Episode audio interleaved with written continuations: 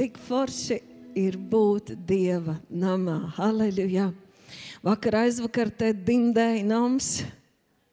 Un tiešām eh, pa brīžam liekas, ka te viss tūlīt gāzīsies, kaut kas plīsīs, bet mums ir tik fantastiski jaunie jaunieši un pusauģi un galvenais viņu vadītāji, viņu komanda, kas vakar, aizvakar un arī šodien vēl darbosies. Vai mēs varam redzēt pusauģu komandu, vai viņi jau ir aizgājuši? Aizgāju? Aizgāju, jā. Ai, maleči, paldies viņiem, ka viņi kalpo. Slavu Jēzum! Ai, Svētdiena ir tik laba, ka mēs varam nodalīties. Arī lūkšanas, arī mazās grupas. Un brīdis, kad mēs varam no, nodalīties, atstāt visu un ar lielām slāpēm nākt jau klātbūtnē un klausīties uz viņu. Kad laulātajiem te bija seminārs, kad šie mīļie viesi bija mūsu vidū, mēs paņēmām pieskatīt visus trīs mazbērnus uz, uz brīdi. Un, uh, nu, to vienu sestdienu, un, un es gatavoju ēst, un Ops bija palicis kādu brīdi viens pats ar viņiem. Un tad Sāra, viņa tur ārā spēlējās, Sāra bija izdomājusi, kas būs mamma, viņa būs mamma, Ops ir tētis, un Anniņa ir, ir mazākā māsiņa, Eliotiņš ir mazākais brālītis.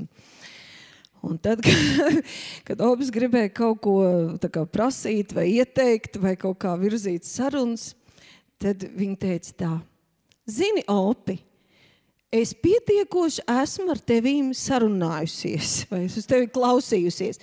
Tagad es gribu parunāt ar Eliotu. Eliotam divi gadiņi paliks tuliņi.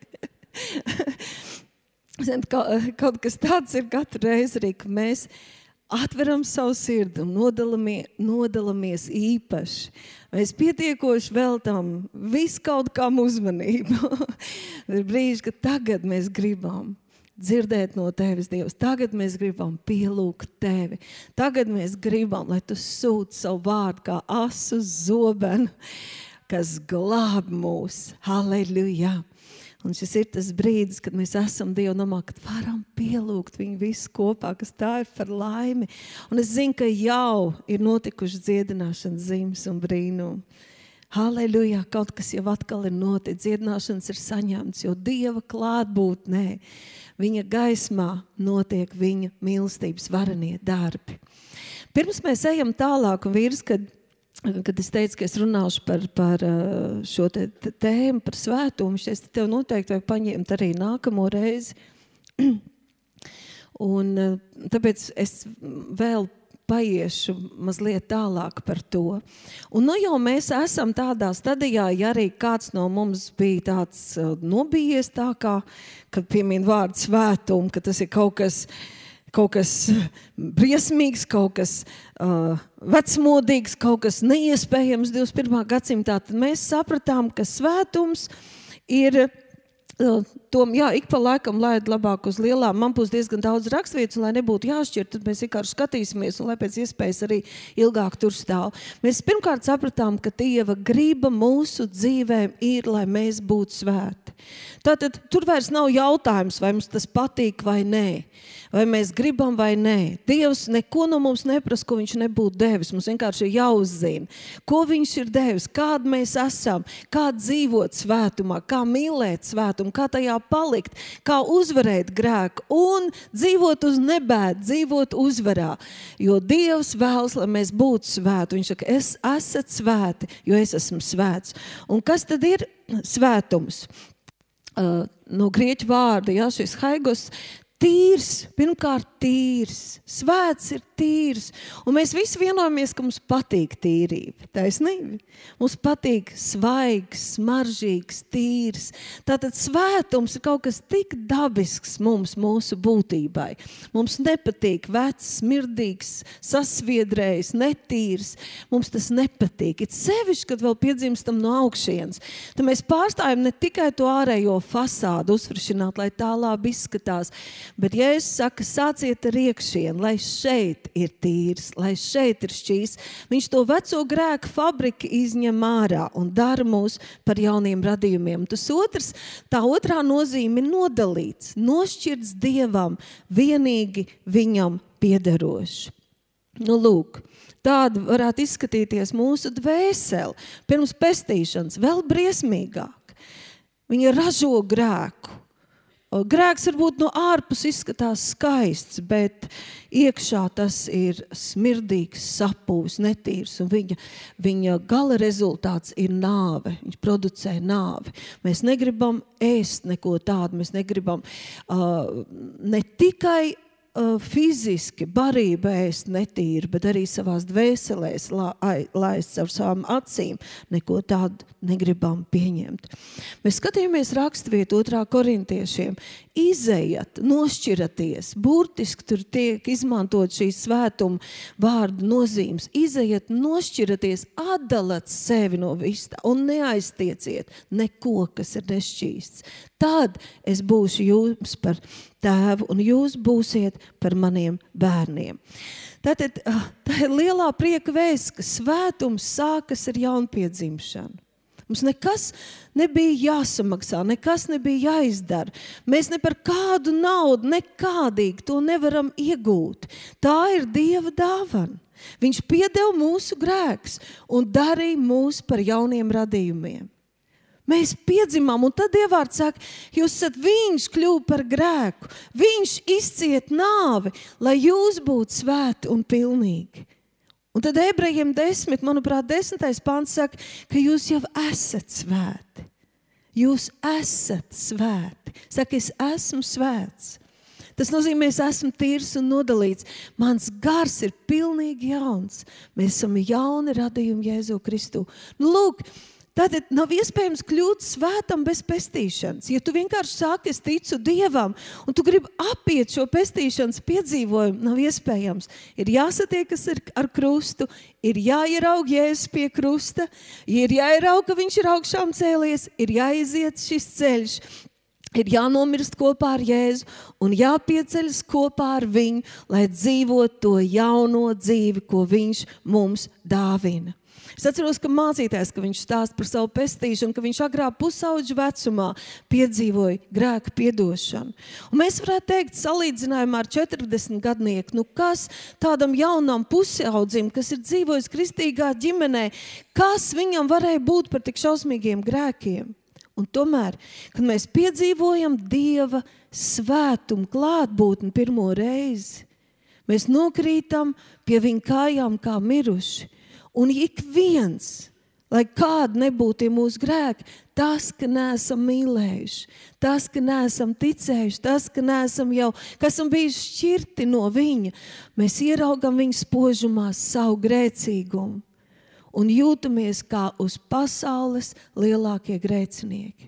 Un tad toreiz, kad mācītājs liecina, ka tad, kad Jēzus asins viņš šķīstīja, viņam atnāca šī liecība, es esmu glābts ka viņš brauc pēc tam mājās no tās lūkšanas vakara, un viņam bija tikai viena lūkšana. Viņam gribējās sargāt savu balto dvēseli. Sargāt savu balto, tīro dvēseli, un viņš lūdz Dievam, sargi man, palīdz man, lai es nekad to vairs nepazaudētu un nenosmērētu. Šo, šo milzīgi, šo lielo laimes sajūtu, drošības sajūtu, spēka sajūtu, ko dod glābts gars un tīra dvēsele. Tā ir tāda laime. Es atceros, ka mans brālis Pēters, viņam bija tik daudz problēmas, uzbrukuma ar alkoholu un tā tālāk, ka viņš piedzīvoja Jēzu pēc lielām cīņām. Tad pirmie vārdi, ko viņš par sevi teica, es esmu pilnīgi cits cilvēks. Viņš bija brīvs no vis tā. Un mēs apkārt tuvinieki, kas viņu pazinām, mēs skatījāmies viņa mirdzošajās, kristāli dzidrajās actiņās. Un arī mēs varējām teikt, tas ir pilnīgi cits Pēters. To izdara pestīšana. Bet tad Jēzus tiem, kas grib iet tālāk ar viņu, ar viņu, ar viņu saka, un to viņš sacīja arī tiem uh, farizējiem. Viņš saka, tad nu nesiet pienācīgas atgriešanās augļus. Un tā ir tā otrā daļa svētdzīves. Tā viens ir tā mūsu pozīcija, kas mums ir dota, kas mēs esam. Otrā ir, tad nu mainieties, tad nu lietojiet to, ko es esmu devis. Tad nu dzīvojiet man aicinājumu cienīgu eh, dzīvi. Un tad ir šis vārds, ko mēs skatījāmies, izējiet. To Dievs nevar izdarīt mūsu vietā, taisnība. Nepieskaraties, nelietojiet vairs neko, kas ir nešķīs, lai jūsu dzīves atšķirās no tiem, kas vēl nepazīst Jēzu. Lai jūsu dzīves liecina, ka jūs tiešām piederat tam kungam. Tas ir jādara mums pašiem personīgi. Kaut kas mainās mūsu dzīvēs, kad Jēzus ienāk tajā. Otra līdzīga raksturvieta ir no 2. Timotejam, 2. nodaļas. Ja kāds nošķīstās, tur pirms tam ir runa par, kad ir trauki godam, trauki negodam, ir izcili trauki un ir, ir, ir neizcili. Un kādreiz cilvēks, kas atnāk, kad atnāk pie Dieva un lasa šo raksturvietu, saka, es nezinu, ko, kam Dievs man paredzējis. Vai es esmu trauks godam vai trauks negodam. Man nekā par to dzīvi neiet, es ar tiem grēkiem pinos. Varbūt, ka es esmu izredzēts trauks negodam. Tev nav atnākusi kādreiz tāds sajūta. Varbūt, ka esmu norakstīts. Nu, varbūt, ka man nav dots viss tas, kas, kas pārējiem, kas manam kaimiņam, kam liekas tik viegli aiziet tajos dieva likumos un tajā jaunajā dzīvē. Bet paskaties, ko saka otrā Timotejam. Tas, kurš nošķīstās, redzi, šķīstums bija, otrais bija tas nodalās, vai ne? Tas, kurš sevi nodala, kurš sevi attīra no tādām lietām, kurš neiet atpakaļ uz veco dzīvi. Tā, tā, tāds būs trauks godam, svēts, derīgs tam kungam, sataisīts katram labam darbam. Tātad, vai mēs būsim trauki godam vai būsim trauki negodam, nav atkarīgs no Dieva. Viņš mūs visus ir izredzējis un aicinājis būt traukiem godam. Viņš tāds mūs ir darījis. Ko mēs izvēlēsimies tālāk, tas ir mūsu brīvās gribas jautājums. Bet svētums kas ir iegūts uh, garā un dvēselē, viņš vēlas, tas ir dabiski, ka viņš grib parādīties dzīvē. Nu, atceramies to nejauko skatu netīrajā istabā. Kamēr mēs neesam glābti, mēs mierīgi varbūt tādā vidē, ja mums ar dvēseli, ar galvu galīgi nekas nav kārtībā, mēs tādā vidē varam dzīvot. Un garīgi mēs tādā arī dzīvojam. Tagad ienāk jēzus mūsos, mēs kļūstam šķīsti par jauniem radījumiem. Un ko mēs pirmais darīsim ar to istabu? Mēs sviedīsim ārā, mēzīsim ārā visu to redzamo daļu. Mēs mainīsim, mēs tīrīsim, mēs kārtosim savu dzīvi, cik vien tas būs iespējams. Tātad svētums parādās manā dzīvē, un kā mēs arī noskaidrojām pagājušajā reizē, svētums nav Dieva uzlikts robežas. Nedrīkst! Aizliegts, neskaties, nepieskaries. Šī ir tā robeža, jo tad mēs dzīvojam uz tās robežas, visu laiku skatāmies, vai šī to drīkst, vai šī tā drīkst, vai tā vēl drīkst, vai tas ir jau grēks, vai tas nav vēl grēks. Bet svēt, svētums, Dieva svētums, kas ienāk manī, mani un tevi atbrīvo. Tā ir lielā prieka vēsts. Svētums ir skaists, svētums ir tīrs, svētumā ir dieva spēks. Un svētums mūs nevis ierobežo, bet atbrīvo. Svētums dod mums pamatu dzīvot saskaņā ar mūsu jauno būtību ka nav vairs kā romiešiem 7. nodaļā Pāvils vēl saka, izsaucoties it kā pirms Kristus upuri, kas man nelaimīgo glābs no manas vecās grēcīgās dabas, jo to, ko gribu, es nespēju un ko es negribētu, to tā grēka fabrika vienkārši grūž liek man darīt. Kristus upurs man ir atpirts es esmu brīvs, es varu dzīvot saskaņā ar savu jauno radījumu. To viņš man ir dāvinājis. Un mēs no visas sirds noteikti negribam būt cilvēki, kur it kā ļoti mīl Jēzu, bet nebīstās Dievu un viņa vārdu. Un tāpēc mēs šodien paskatīsimies tālāk Kā mēs varam pieaugt dievbijībā, kā praktiski ikdienā dzīvot svētu dzīvi. Un, mīļie, sapratīsim to, ka Dievs nekad mūs neapsūdz, Dieva gars neapsūdz, Dieva vārds neapsūdz, Viņš glābi, Vēlns apsūdz. Tu domā, ka Dievs nezina mūsu apstākļus, kuros mēs šobrīd dzīvojam? Tu domā, ka Dievs nezina to vidi, kurā tev jāatrodas darbā un tā tālāk. Tu domā, ka, tu ne, ka Dievs nezina tavus kursa biedrus un pedagoģa attieksmi pret kristiešiem un tā tālāk. Dievs to zina, un Viņš pats ar svēto garu ir ar mums. Viņš grib vadīt un darīt, lai mēs esam gaismi, lai mēs esam laimīgi, lai mēs esam veiksmīgi šajā 21. gadsimtā. Tātad, kā pieaugt dievbijībā, kā saglabāt dievbijību un kā nepazaudēt svētumu, bet kļūt aiz, iet aizvien vairāk tai svētdzīvē. Te mums vajadzētu pavērot, kas ikdienā uz mums visvairāk runā, kam mēs ļaujam sevi ietekmēt. Kam mēs ļaujam mūs mācīt, dot padomus, tā ka pēc tam mūsu domas ir aizņemtas un tās mainās. Mainās kaut kāda sapratne, ko bijām sapratuši par Dievu, ko bijām sapratuši par Dievu vārdu, kaut kādas lietas, draudzība, ietekme. Šodien es gribēšu, es runāšu par draugu ietekmi, par to, cik svarīgi ir labi draugi un ko var izdarīt slikti draugi. Bet runājot par draugiem, rēķināsimies, ka mēs runājam par jebko. Draugi jau var runāt caur žurnāliem, caur grāmatām, caur uh, sociāliem tīkliem. Tie var būt kaut kas, par ko tu fano mūziķi, kaut kādas autoritātes, ko tu ieklausies. Tu skaties, kā viņi dzīvo, tu skaties, cik labi viņi izskaties. Un tu kā tāds mazais zaķītis, ja, gribi atdarināt, e, gribi ēst, ko viņi māca, kā viņi domā, kāda ir tā viņu lielā gudrība. Un tu redz, ka viņš tā kā iet pret dieva gudrību, pret dieva vārdu, pret to dieva ceļu. Viņš tā kā grib nožmiegt, grib apslāpēt un padarīt dievu vārdu mūsu dzīvēs nespēcīgu, otršķirīgu par to mēs šodien parunāsim. Un tāpēc jau 1. korintiešiem 15. nodaļa, 33. pāns saka, nepievilies vai nemāni sevi. Ļauna sabiedrība noteikti samaitā labus tikumus. Slikta vai dumja kompānija, paplašinātais tulkojums saka, ļauni draugi ar ļauniem mērķiem ko tu tomēr uzklausi, apbrīno, viņi tev noteikti ietekmē, viņi tev dod savus padomus. Tad ir bezgalīgi svarīgi, kas ir mani draugi, kam es ļauju uz sevi runāt. Kāds ir tas avots? Kas aiz tā stāv?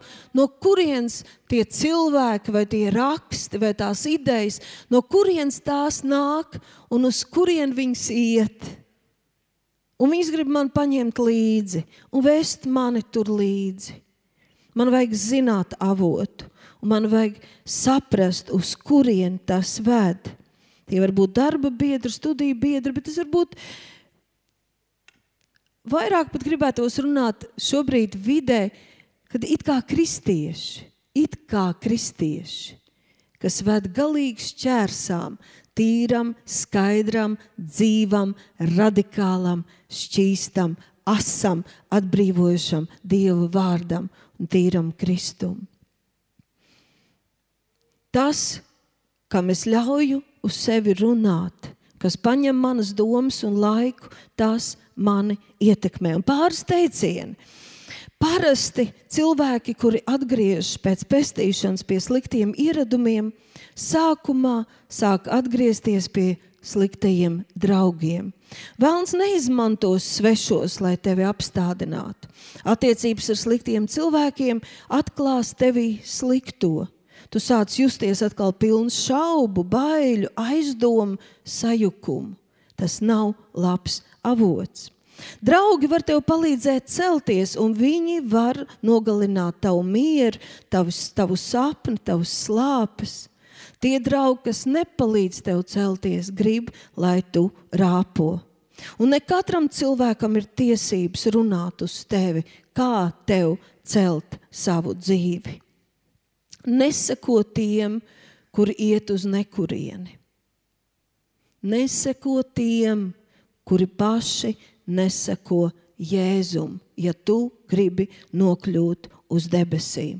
Un, mīļie, ir kāda nopietna patiesība, kad mēs piedzīvojam pestīšanu, tad izējot no tā, kā mēs augam Dievā, mainās vai ir jāmainās arī mūsu draugu lokam. Ziniet, šeit mēs nerunājam par to, ka uh, tu dzīvo pasaulē.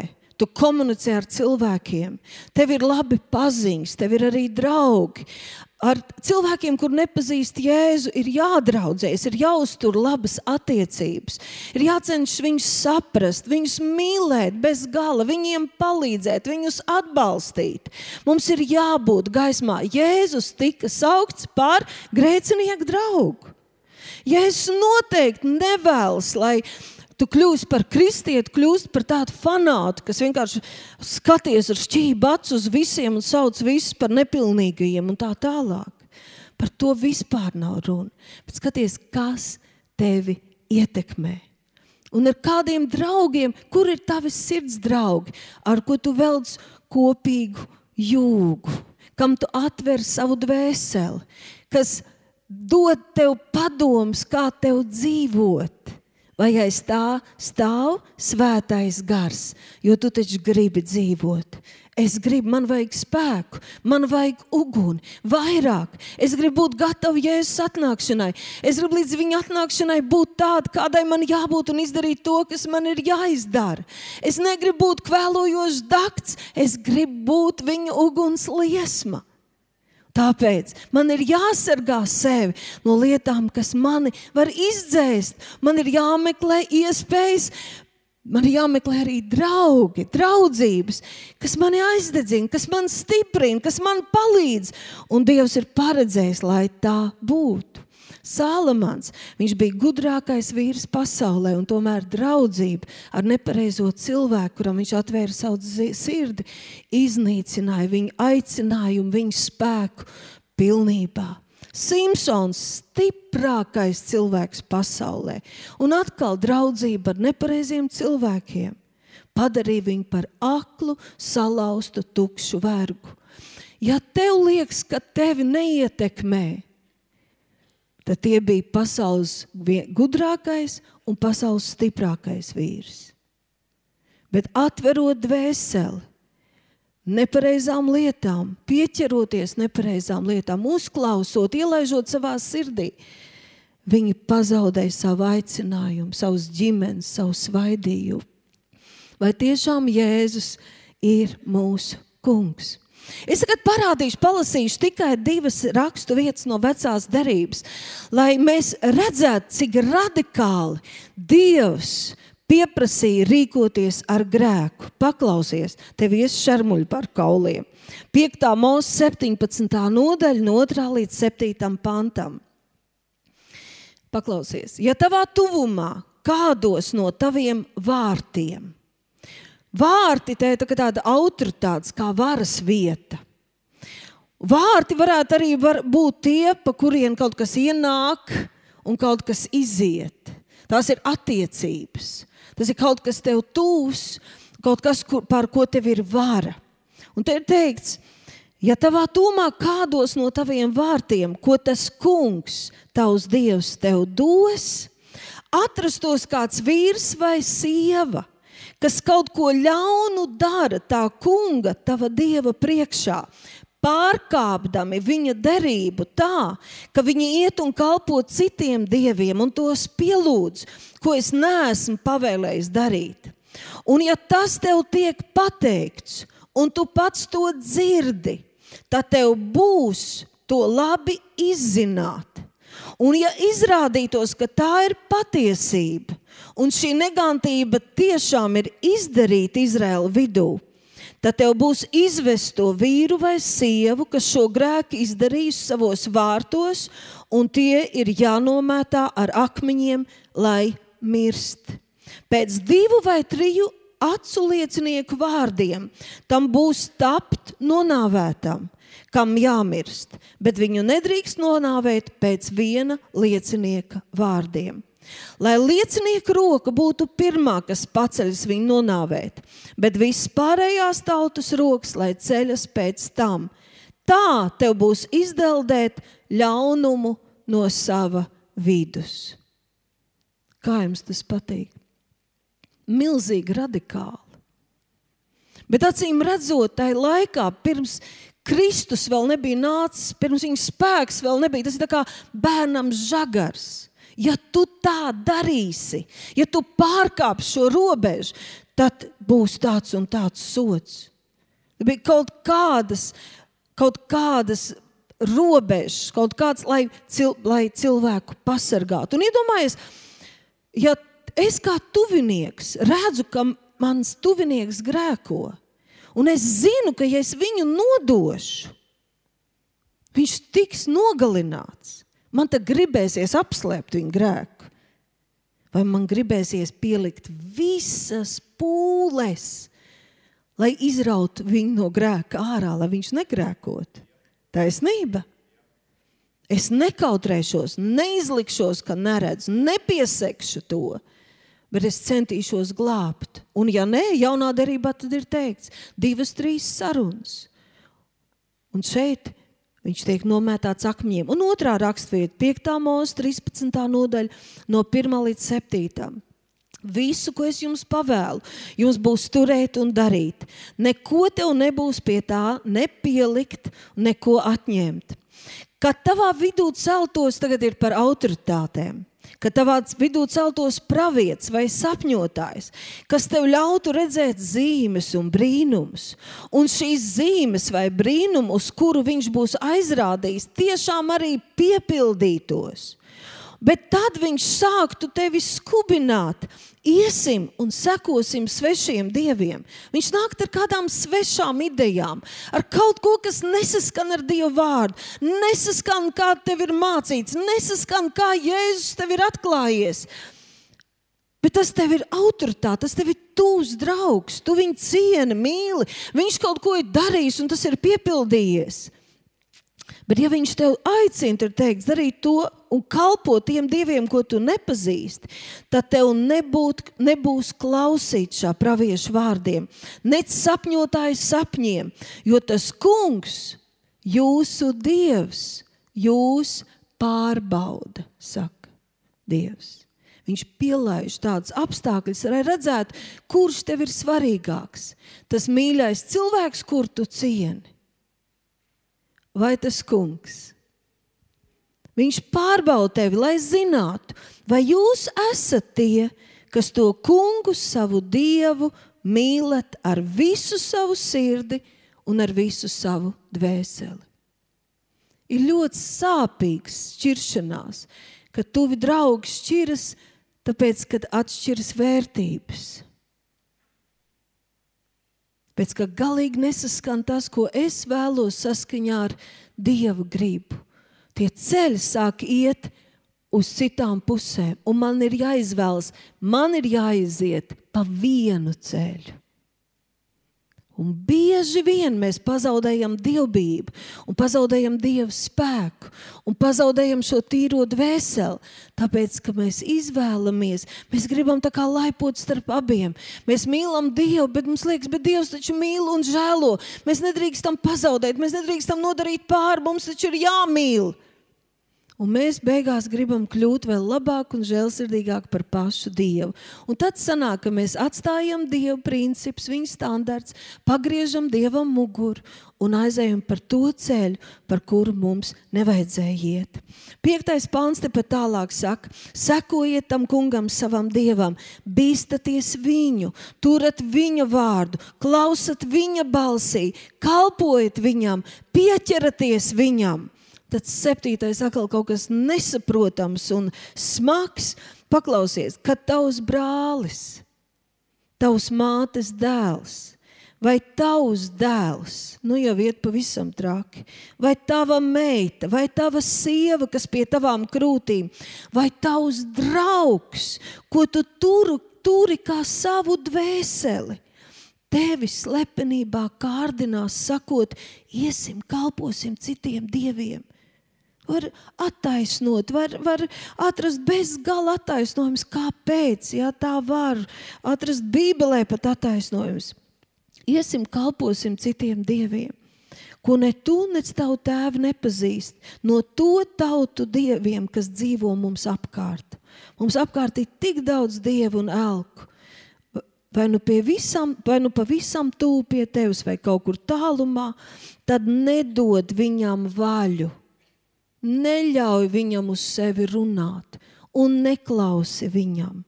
Un tavas acis, lai žēlodamas, nekavējas pie viņa un tu netaupi viņu, un arī viņu neapslēp. Te rakstīts tālāk. Te runa par kristiešiem. Kristieši viens otru slēpjot un atbalstot grēkā, nodara viens otram tikai bezgala lielu ļaunumu.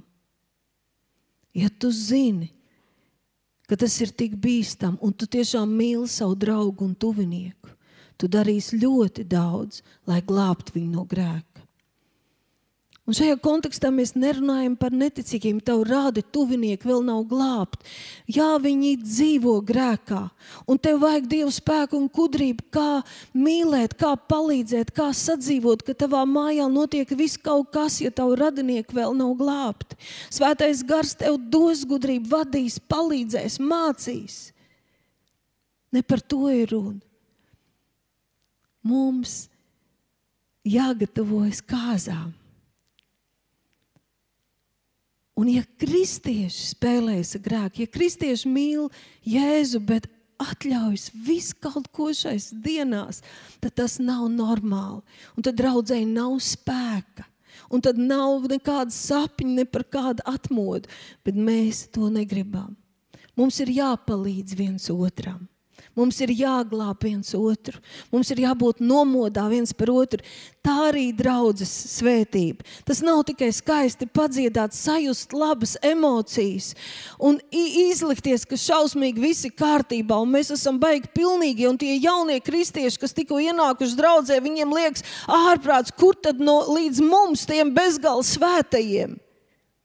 Draudz ir vide, kur ir jābūt atklātiem, patiesiem, godīgiem. Jā, mūsu pozīcija ir, mēs esam svēti, bet mūsu mērķis, mūsu sapnis, mūsu ilgas ir dzīties pēc svētuma. Mēs krītam un klūpam, bet mēs atkal ceļamies. Mēs neesam pilnīgi. Un mums vajag vidi, kur mēs varam būt godīgi un atklāti. Kur brālis brālim var teikt, lūdzu par mani, palīdzi man, es esmu sūdos līdz kaklam. Un es esmu nogurs tēlot, ka ar mani viss kārtībā. Es lēnām zūdu, palīdzi man. Un tu zini, ka otrs brālis neizvalbīs acis un teiks, par ko tu runā. Es gan esmu svēts. Viņš arī dzīvo uz šīs zemes. Viņam arī pa laikam kājas ir netīras, un jēzum tās ir jāmazgā.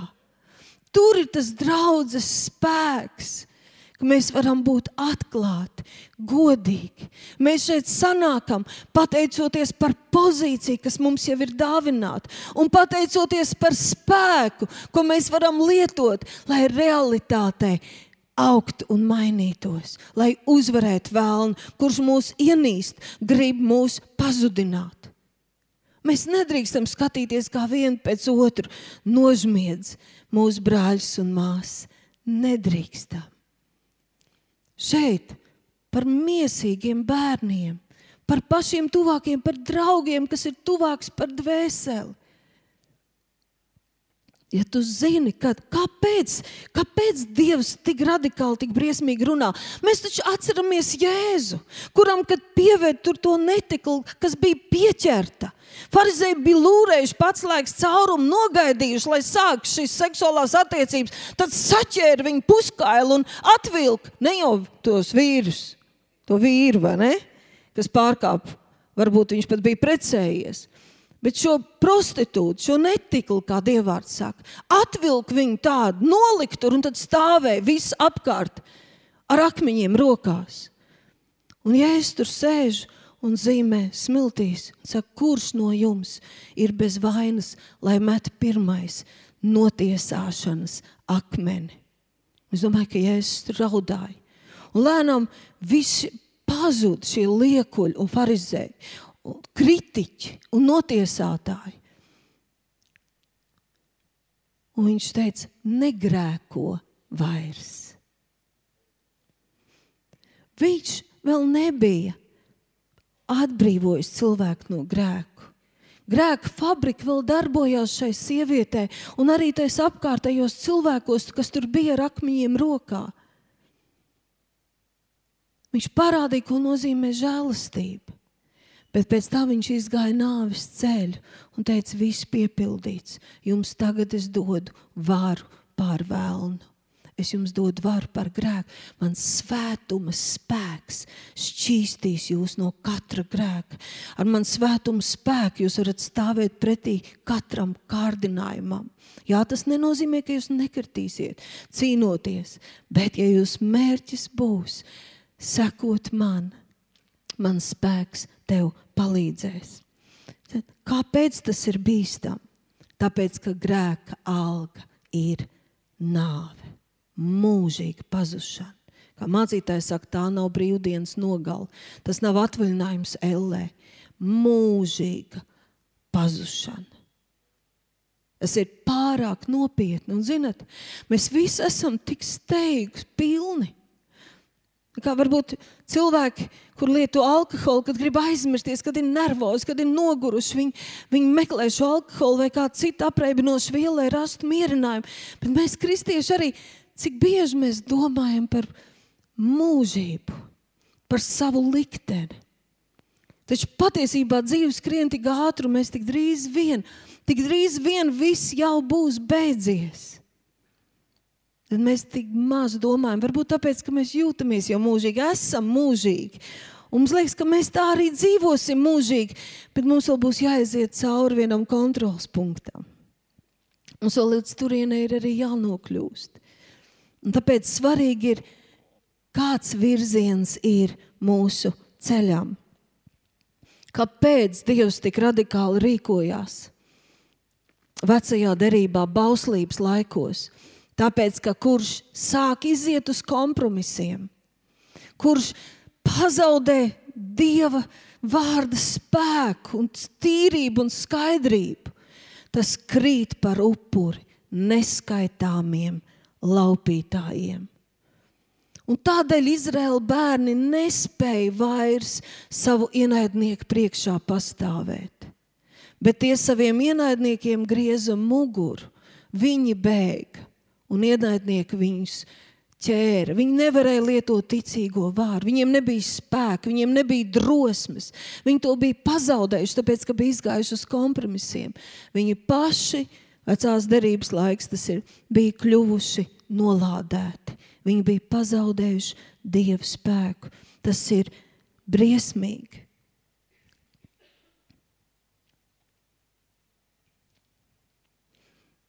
Un tad 1. korintiešiem 10. nodaļa, 8. pāns saka, kāpēc vecā derībā tas viss ir rakstīts. Tas ir par brīdinājumu mums par brīdinājumu mums. Es vairākas reizes lūdzu Dievam, man tik šausmīgi patīk, ka, ja Dievs dotu, es varētu ņemt vienu raksturvietu, tādu, kas es esmu Kristū, vai, vai kad evanģēlīs ir Dieva spēks, un vienkārši nospridzināts kā 40 minūtes, tā ka mēs stāvētu kājās un maurotu. Vā! Man tik ļoti tā patīk. Dievs to vairāk vienmēr iedod vīram manam. Es atkal, atkal es lūdzu, Dievs, tas ir smagi. Vai tiešām man jābūt atkal tai, kas runā šīs nopietnās lietas? Bet, zini, kādreiz cilvēks pieceļas no ilgas sēdēšanas. Ne tāpēc, ka viņš beidzot pieņēmis lēmumu sasniegt cēlus mērķus neatlaidīgi, bet tāpēc, ka sāk kūpēt dibens, dibengals. Tāpēc, ka viņš ir dabūjis spērienu pa sēžam vietu, teiksim tā pavisam tieši.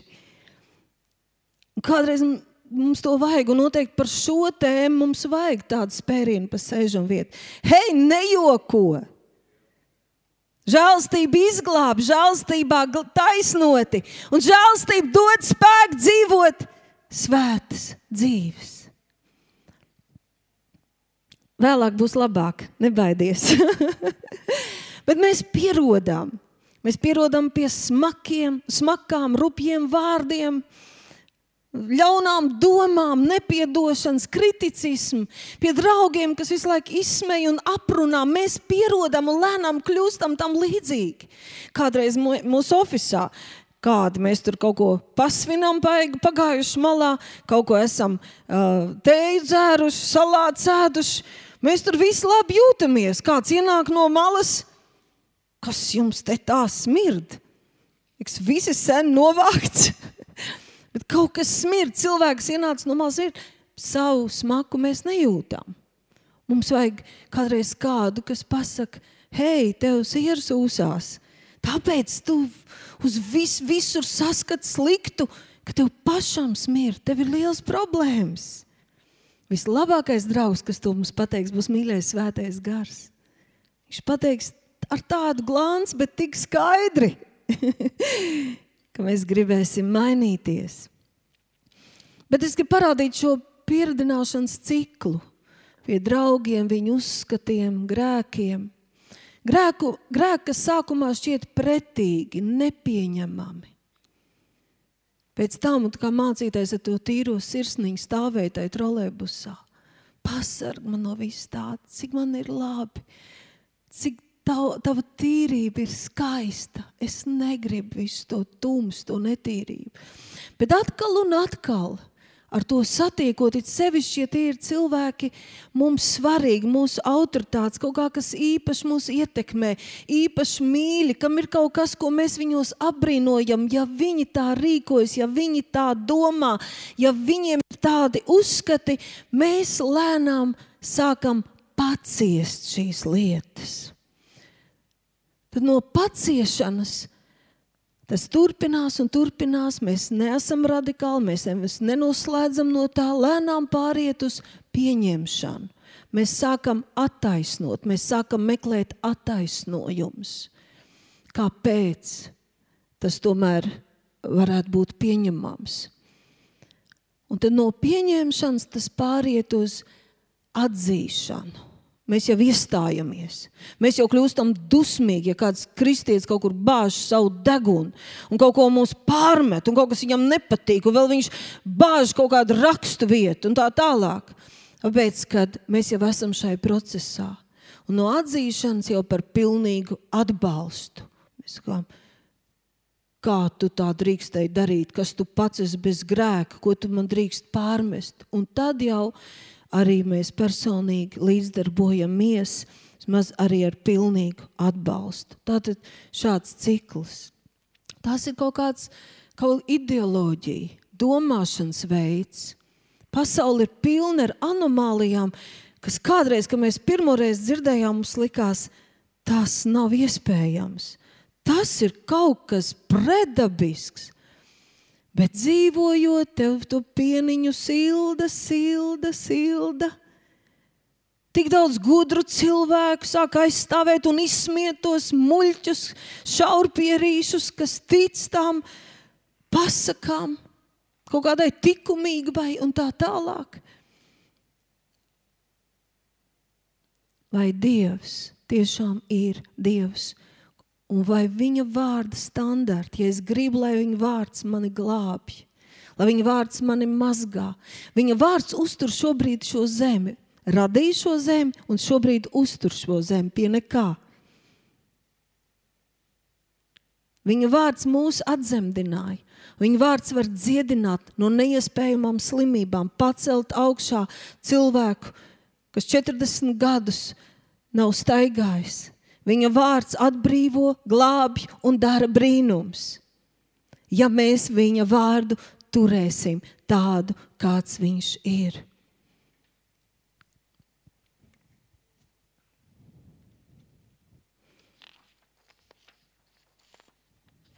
Jā, lai nobeigsim šo domu. Tātad visu laiku Tāpēc mēs meklējam racionāls skaidrojums, attaisnojums. Sākumā draugu dēļ, pēc tam jau sevis dēļ. Un tas ir tāds process, kurš aug. Neatkarīgi no tā, cik maz bija tas sākums, ja mēs tam ļausim, viņš augs. Un tā piereduma ķēde, jebkurām lietām, kas no sākuma bija tik vāja, ka mēs pat nejūtām, lēnām mūs sāk kontrolēt un kļūst tik cieša, uh, ka mēs viņu vairs nevaram sat, sa, sa, uh, saraut. Nevis mēs vairs ietekmējam, bet mēs esam pilnībā ietekmēti. Tātad, lai pasargātu sevi no tā, lai saglabātu sevi šais divos punktos, tīru un atdalītu, lai pasargātu sevi, tīru un nošķirtu no ļaunā ietekmes. Kas man ir jādara? Pāvils Timotejam saka, no kaut kā bēdz.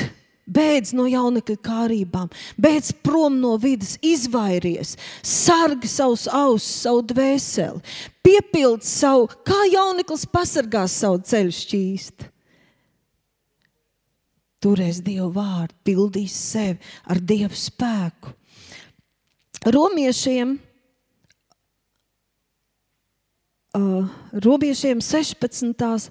nodaļas, 17. pāns. Es tikai pāris raksturvietas, viņas bija bezgalīgi daudz, un grāmatā es viņas gribēju minēt visus. Bet uh, ir Pāvils min vairākas raksturvietas, runājot par svētumu, kas mums var likties nesaprotams un nepieņemams. Draudzes cilvēku attiecībās ļoti līdzīgi, gandrīz kā vecā derībā, tikai viņš nerunā par to, lai nomētātu akmeņiem. Viņš saka, ja cilvēks grēko, ja viņš nebainās, un tad viņš saka, es nerunāju par neticīgajiem, viņus Dievs tiesās, bet jūs izmetat netīrību no savas vidus. Un viņš saka, ja, ja brālis nu, liksim klāt māsu, ja viņi ir mankārīgi, ja viņi dzīvo priekš sevis, ja viņi plāpā saules vārdus, bet dzīvo nesaskana darbiem, ja viņi nemainās, bet viņi vilina cilvēkus, grēko, tāpēc ka paši grēko un rāda, ka nekas tā nenotiks, tad ir teikts, tad izvairies, nesēd kopā pie viena galda, nedraudzējies, izolējies no viņiem, neļauj sevi tam ietekmēt. Un lūk, šī raksturvieta ir ļoti svarīga, kas man liek domāt un domāt par to. Un ar, ar to mēs kādreiz satiekamies, saskaramies, kad mēs tik ļoti žēlojam grēku. Ne cilvēku, bet grēku. Kas ir svarīgi, ir grēku atdalīt no cilvēka. Jo Jēzus mīl cilvēks, bet viņš ienīst grēku. Un grēks tiks sodīts. Un ja mēs netiksim prom no grēka, ja mēs grēku neatdalīsim no sevis, tad Dieva sots nāks arī pār mums, un mēs to negribam. Bet tad, ja mēs tā nerīkojamies, ja mēs sākam attaisnot grēku, mēs, mēs sākam dusmoties un nosodīt kristiešus kas vēl kaut mazliet 21. gadsimtā cenšas ievērot Dieva vārdu. Cenšas iepīkstēties, ka Dievs taču nav nekas mainījies, ka Viņš ir svēts un ka mums ir jādzīvo tīras dzīves. Tāds kristietis mūsdienās pat draudzē var dabūt ātri pa muti, varbūt ne fiziski, bet ar vārdiem. Ko tu lecies, ko tu iedomājies? Un tur būs bezgalīgi daudz attaisnojumu. Un tad mēs brīnamies, ka nav dieva spēka. Tad mēs brīnamies, ka mūsu dzīves nemainās. Mēs jūtamies aizvien sliktāk, kā liekuļi. Mēs gribam vairāk. Un mēs varam sākt vēl vainot mācītāju un citus. Kāpēc nav? Kāpēc nenotiek? Šeit bezdievs nav neticīgais, bet kristietis, kurš pārstājas bīties Dievu. Otrā tesaloniķiešiem, 3. nodaļa, 6. un 7. pāns ir saka, atraujieties no katra brāļa, kas nekārtīgi dzīvo, neievērojams mācību, ko esat saņēmuši. Un, ja kāds neklaus mūsu vēstulēm, to ievērojiet, nesēties ar to, lai tas justos apkaunots. Tikai neizturieties pret to kā pret ienaidnieku, bet pamāciet kā brāli. 1. korintiešiem 5. nodaļa, no 1. līdz 9. pantam, visu nelasīšu. Es jums rakstu savā vēstulē, nebiedroties ar netikļiem, nedraudzēties ar netikļiem. Es nedomāju vispār ar šīs pasaules netiklajiem vai mantraušiem vai elku kalpiem, jo tad jau mums vajadzētu aiziet no šīs pasaules, bet es rakstīju nebiedroties ar tādu brāli, kas gan saucas par brāli, bet patiesībā ir netikļi metikls, mantrausis, elku pielūdzējs, zaimotājs. Jums nebūs ar tādu pat kopā ēst. Var likties, ka tas ir nežēlīgi. Bet jautājums ir par dzīvību un nāvi. Un, ja draudzē ir tāda atmosfēra, ka es zinu, ka mani mīl, bet ja es apzināti grēkošu, ja es apzināti tēlošu, ja es apzināti slēpšu, ja es apzināti melošu, un mani brāļi un māsas to sajutīs un uzzinās, Viņi man sāks brīdināt, un pēc tam sāks ignorēt. Un beigās, kā ir teikts, Pāvils saka, izmetiet viņu ārā no, no draudzes vides. Bet man vajag draugu. Man vajag, kur ir Dieva spēks, man vajag planētiņu, man vajag vietu, uz šīs samaitātās zemes, kur es varu atskriet, kur par mani lūgs, kur Dievs sūta savu vārdu, kur es varu sajust viņa spēku, kur es varu dabūt viņa spēku, lai dzīvotu, kur man kalpos, kur man mīlēs, kur par mani ticēs. Man vajag draudz. Un tas man arī būs milzīgs plus, palīdzība. Es gribu turēties. Tie nav kaut kādi soļi un kritiķi. Viņi mani mīl, viņi uztraucas par mani tas palīdz man būt patiesai, godīgai, atklātai un mainīties. Taisnība, ir svēta vide. Dieva draudzene ir patiesības balsts un pamats. Mēs nu pat svētdien, trešdien, kad lūdzām, lūdzām par kalpošanu, par draugu, mēs redz, es pilnīgi redzēju, es nevarēju vairs iziet ārā no tā, ka draudzē ir šie lielie balsti, tā kā gandrīz cauri zemeslodei līdz zemes centram viņi ir iestiprināti ar patiesību. Kur tad cilvēki lai atrod patiesību? Kāda tad ir patiesība? Ir tik daudz ideju, kas ir patiesība. Tai patiesībai ir jābūt atrodamai draudzē, nostiprinātai, sargātai un lietotai.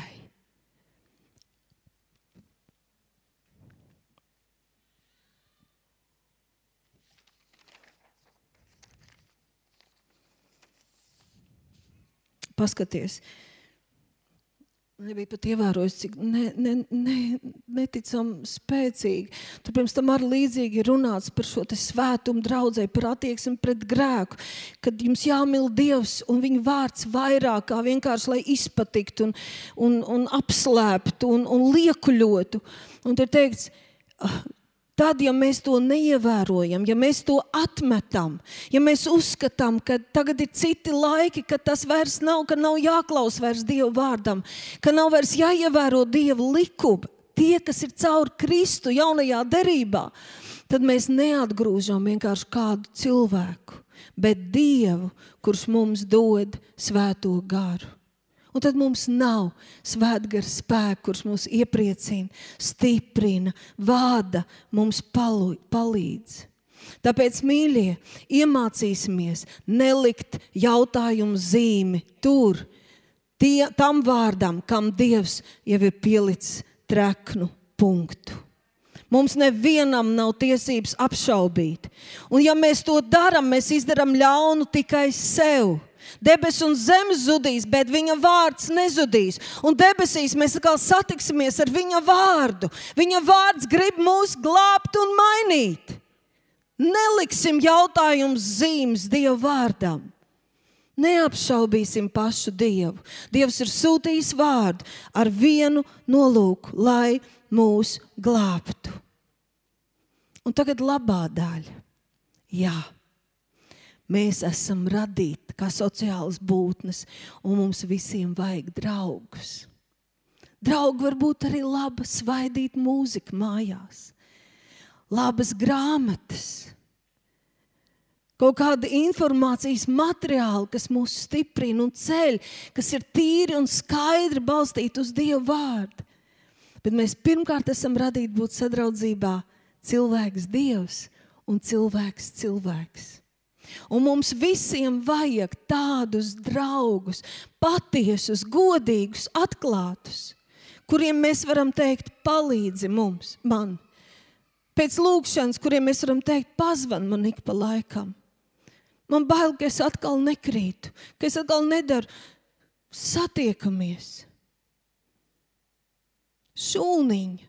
Mums vajag mazās grupas, kur mēs varam atklāt, runāt par savām problēmām, kopīgi raudāt. Un zināt, ka tas neizies ārā, tas netiks pārspriests, bet mēs izējām no lūkšanām kā no šķīstītavas, kā draugu kopiena, kas stāvēs viens par otru. Draugi, kas ceļ, draugi, kas iedrošina draugi, kuri deg par Jēzu. Pastāstīšu jums par diviem vīriem no Bībeles, kuriem arī bija draugi. Viens tāds vīrs, gandrīz 40 gadus, bija nogulējis uz gultas bez kustībām. Un tad, kad Jēzus nāca, viņš varēja viņu dziedināt. No viņa nāca ārā rūkums, pārmetumi un dusmas. Viņš teica, man nav neviena, kas man aiznes tad, kad eņģelis atnāk un sakustina ūdeni. Man nav neviena, kas mani aiznestu. Es pieņemu, ka viņam ik pa laikam bija paziņas, kas kopā ar viņu pakurnēja par šausmīgajiem apstākļiem, par smago likteni. Es kopā aprunāju citus, kas bija saņēmuši un aizgājuši, un viņa aug tikai dusmas un neapmierinātība papļāpāja, aprunāja un aizgāja. Bet man nav neviena, kas mani aiznestu, kas paliktu ar mani, kas būtu ieinteresēts manī un kas man palīdzētu. Un tad ir kāds cits vīrs, viņš tāpat ir paralizēts daudzus, daudzus gadus. Bet viņam ir draugi. Saka, ir draugi.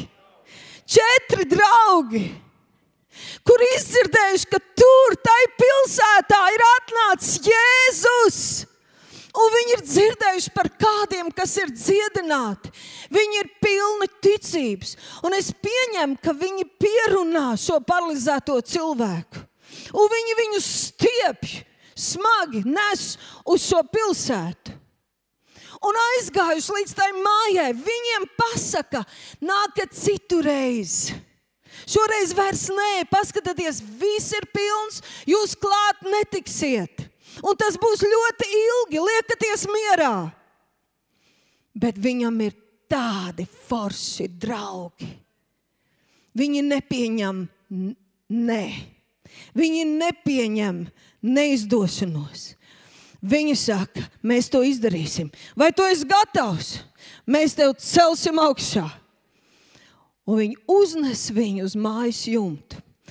Un vēl trakākais, viņi nevis tikai izurbina caurumtiņu, viņi izplēš jumtu, lai varētu nolaist pieaugušu vīru ar gultu zemē un nes savas mājas jumtu.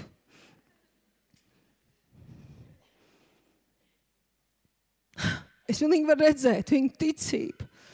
Viņi ir, viņi deg Viņi ir aizdegušies, iznest, dabūt, palīdzēt. Viņi jau redz, ka viņu draugs staigā, un ir gatavi darīt daudz. Pat līdz tam viņi nolaiž zemē. Paši es nezinu, kā viņi tur tika. Varbūt nebija tik augsti griezti.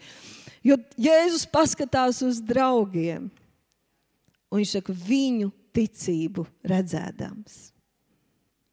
Viņš saka, celies, ņem savu gultu un ej.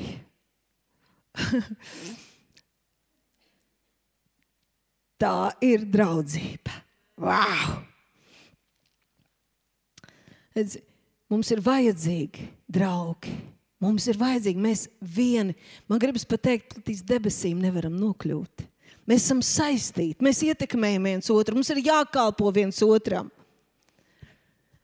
nepareizu draugu dēļ mēs varam nenokļūt noteikti tur, kur mums ir jānokļūst. Bet arī, ja mums nav pareizie draugi, mēs arī nevaram nokļūt un izdarīt to, kas mums ir jāizdara. Tāpēc mums vajag draugus, kas ir traki par Jēzu. Draugus, kuros ir deksme un drosme riskēt evaņģēlīju dēļ. Mums vajag draugus, kuri mīl Jēzu un ļoti bīstas Dievu un klausās svētajam garam. Mums vajag draugus, kuri tic brīnumiem un kuri nekad nepadodas. kuri gaida atmodu un kaut ko dara tās dēļ. Mums vajag draugus, kas man nekad neatstās lauva bedrē. Man vajag draugus, kas neļaus man aprunāt, melot un izlikties, bet kas man drosmīgi teiks patiesību un palīdzēs man mainīties. Un mums ir dots vislielākais, ietekmīgākais, svarīgākais, īpašākais, labākais draugs ikvienam, pāri visiem draugiem. Ja tu tagad domā, kur tad viņi ir? Kur ir tie? Paskaties uz sevi. Tev jābūt tādam draugam, kas ietekmē, kas stiprina, kas paceļ. Tad to arī ieraudzīs. Tev jābūt tādam. Tāpēc, ka tev un man ir šis izcilais, īpašais Dieva dēls, mans draugs. Halleluja! Otrā korintiešiem trešā nodaļa. Lūk, paskatīsimies, ko izdara draudzība ar Jēzu. Mēs visi atsaktām sejām, Dieva godību redzēdam kā spogulī, topam pārvērsti viņa līdzībā. Kad mēs draudzējamies ar Jēzu un redzam viņa godību, ne tikai pielūdzam vienkārši, bet ilgojamies pēc viņa, veltam laiku, ļaujam, lai svētais gars mūs ieved viņa klātbūtnē, mēs ieraugam viņa godību, un tur ir tas brīdis, kad mēs tiekam pārvērsti viņa līdzībā. Jūs zināt, Mēs esam pārpildīti ar informāciju, bet mums bez gala ikvienam vajag atklāsmes piedzīvojumu. To nevar. Satikšanos ar Jēzu nevar neviens otram iedot. Tas ir personisks piedzīvojums. Tur mēs, piedzīvojot viņa svētumu, paši kļūstam svēti. Iesai sastajā nodaļā piedzīvoja ko īpašu. Viņš redzēja Dievu tronī, redzēja kaut kādā līmenī viņa, viņa godībā, varā un slavā. Redzēja, kā serafi lidinās, un cits aiz citu, tas tā kā ohe, ja, nepārtraukti sauc svēts, svēts, svēts, svēts, svēts ir tas kungs, visu valdītājs. Un tur dūmi paceļas, un tāda godība, ka zemes pamati drēb. Iedomājieties, kā tas būtu, mēs dzirdētu, kā šie serafi viens aiz otru, viens aiz otru, pieauguši un nepārtraukti. Mēs nezinām, cik stundas svēts, svēts, svēts, svēts, svēts, svēts, svēts. Viņi skatās viņa godībā, un viņi nevar pateikt neko citu svēts. Tīrs, tīrs, pilnīgs šķīs, nodalīts, svēts. Un tad ir teikts, ka Jēzus to redzot, viņš sauc, bēdas man. Es esmu nāvei lemts. Es esmu cilvēks ar nešķīstām lūpām. Es dzīvoju nešķīstas tautas vidū. Un tagad es savām acīm redzēju savu ķēniņu, to kungu cebotu. Viņš reāli domāja, ka viņam jāmirst. Lai gan viņš bija kalpojis Dievam, ieraugot Dievu viņa svētumā, viņš saprata, ka viņš ir, teikšu, kā Pāvils teica, mēsls, ka viņš ir pagalam. Bet tad pielidoja serafs, paskatieties, kas notiek. Kad mēs pielūdzam, kad esam nevis kaut ko prasām, bet vienkārši esam, kad meklējam viņu, atzīt viņa godību, viņa spēku. Pielidoja serafs ar kvēlojošu ogli, ko viņš ar lūkšām bija paņēmis no altāra. Ar to viņš aizskāra manu mutu un teica: Redzi, tai aizskarot, tavas lūpas un tavs noziegums ir daldēts, un tavu grēki ir piedoti. Un tad, pēc kāda laika, es dzirdēju tā kunga balsi sakām, ko lai es sūtu, kas būs mūsu vēstnesis. Un Jēzai neguļ vairs tur salauzts un nejūtas vairs kā mēsls. Viņš saka, sūti mani! Lūk, ko izdara, kad mēs spoguļojamies viņa spožumā. Kad Dievs atklāja mums savu godību, Ka mūzum tas bija tikko Dievs viņam kaut ko piedāvāja. Viņš rādi man savu godību. Rādi man savu godību, savu svētuma godību. Kad mēs ieraugam Dieva godību, mēs ieraugam arī savu grēcīgumu. Un tajā vēl spilgtāk mēs saredzam Dieva mīlestību un atdošanu. Un tad mēs saņemam šķīstīšanu un atjaunošanu. Un tad mēs sākam, tad mēs sākam sadzirdēt Dieva sirdi un viņa ilgas. Un tad Viņš mūs aicina kalpot. Un tad mēs atsaucamies, jo mēs zinām, kas esam un zinām, ka mēs varam. Tas ir katra personīgs piedzīvojums. Tas nebija paredzēts tikai iesajam. Pāvils lūdz nepārtraukt, viņš saka, dienām un naktīm, lai mēs katrs to piedzīvotu. Es nevaru tev to izlūgt. Svētais gars tev tur aicina, svētais gars mani tur aicina. Bieži vien liec nost visu, tas būs bez augļiem, ja tu nenāks manā klātbūtnē meitiņa. Mums ir nepieciešams redzēt Jēzu. Tikai tad mēs topam pārvērsti viņa līdzībā. Mums ir tāds draugs, kas mums tā palīdz. Ja nepiedzīvojam, tad nevaram pārvērsties. Nobeigumā es vēl gribu atgādināt un uzsvērt, mīļie, ka šai svētumā, par ko mēs runājam, lūdzu neizbīsties Dieva svētums ir tik glābjošs, tajā ir tāds spēks. Tur ir iekšā spēks.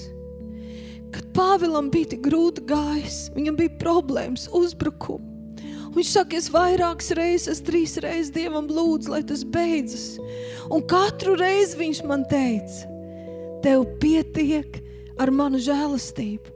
Un tas nav tā, mums bišķiņi uz, uzbēra sāļai pankūkai cukuriņu. Man žēlastība, žēlastības dāvans, tas, ko iedod ubagam 5 santīmus. Žēlastības pārpilnība, kas atklājusies Kristū Jēzū.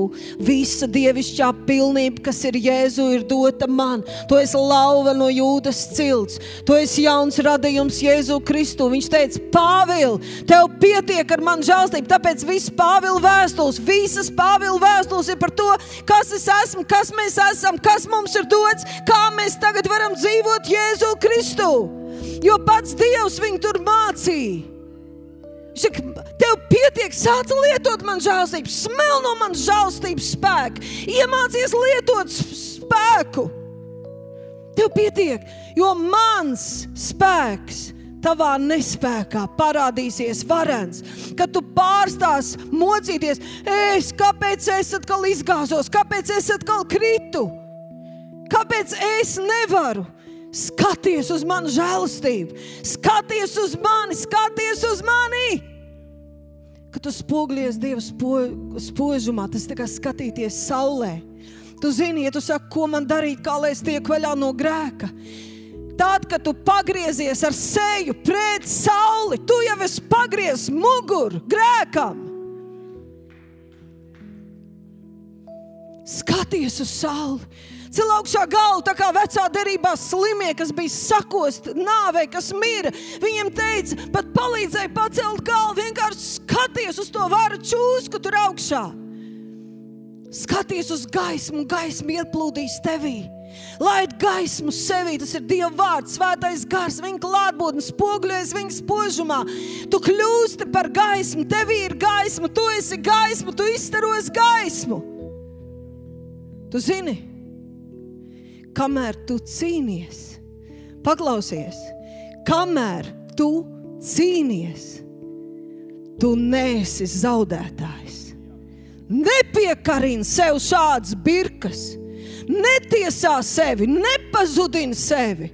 Kamēr tu cīnies, tu neesi zaudētājs, tu esi uzvarētājs.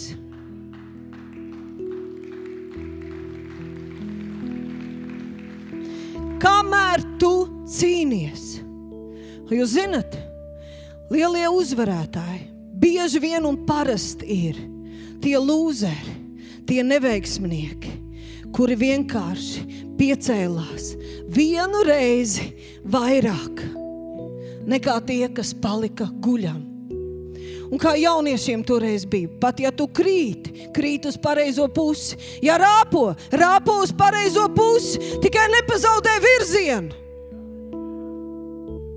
Cel augšā galvu un skaties. Un saka, Jēzu, es zinu, ko tu man esi devis. Jēzu, es zinu, ka tu esi mans glābējs. Jēzu, es zinu, es esmu pārliecinājies. Un varbūt man vēl būs jāpārliecinās, ka es bez tevis nevaru. Bet tu man esi devis spēku. Tu esi mans glābējs. Es tevi mīlu. Es neatsacīšos no tava vārda, no svētuma, no uzvaras, ko tu man esi devis. Es esmu uzvarētājs. Tu vari būt pakrits, bet saukt no turienes. Es esmu uzvarētājs un skatīties uz gaismu.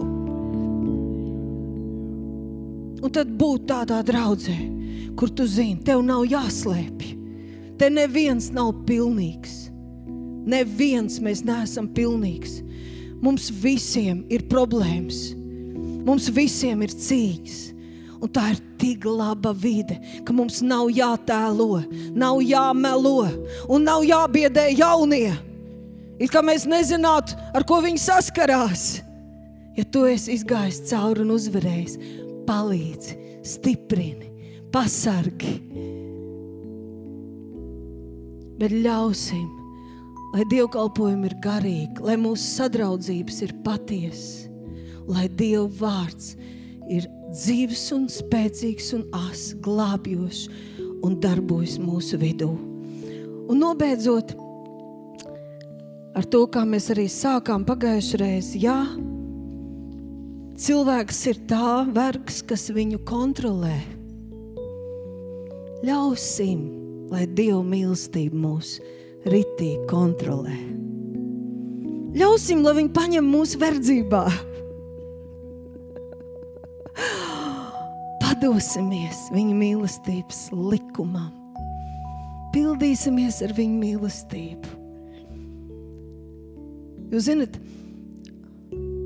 ja pēdējā rakstvieta, otrā Timotejam, kur ir trešā nodaļa. Ja pēdējās dienās būs grūti laiki, tāpēc, ka cilvēki būs tādi, tādi, un tur ir runa par kristiešiem, un viņi ārēji izrādīsies, bet nolieks žēlstības spēks, slēps, neuzvarēs, padosies, izies uz kompromisiem. Ja tāda, tā ir teiks, ka tās, būs, tās būs grūtības. Es nevaru iedomāties, ka man tas neskars. Es ar to esmu apdraudēta. Tas ir kaut kāds vīrus. Tā ir kaut kāda ļoti lipīga slimība, kas plosās apkārt, kas grib arī mani paņemt. Tāpēc man vajag inficēties ar mīlestību. Man vajag, lai mīlestība man tur verdzībā. Es esmu mīlestības vergs. Es mīlu Jēzu. Halleluja! Piecelsimies kājās! Mīļais Tēvs, es pateicos par šo vārdu. Es pateicos par Tavu svētumu un tīrību. Es pateicos par atklātām, godīgām, patiesām attiecībām. Es pateicos par draugu, kuras vidū mēs varam atstāt grēkus, varam atzīties savos grēkos, varam tikt šķīstīt ar Tavām dārgām asinīm. Pateicos par draugu, uz kuriem Tu vari sūtīt cilvēks, kam vajag palīdzību, kam vajag glābšanu. Es pateicos, ka mums te nav jātēlo un jāizliekas.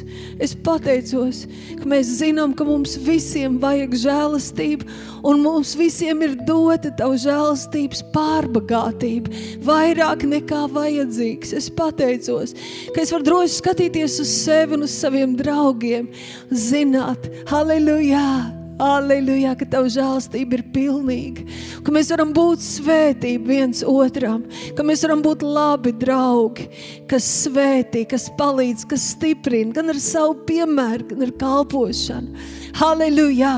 Lai pasaule tiešām pēc tā pazītu, ka mums ir īsta mīlestība savā starpā, Jēzus vārdā.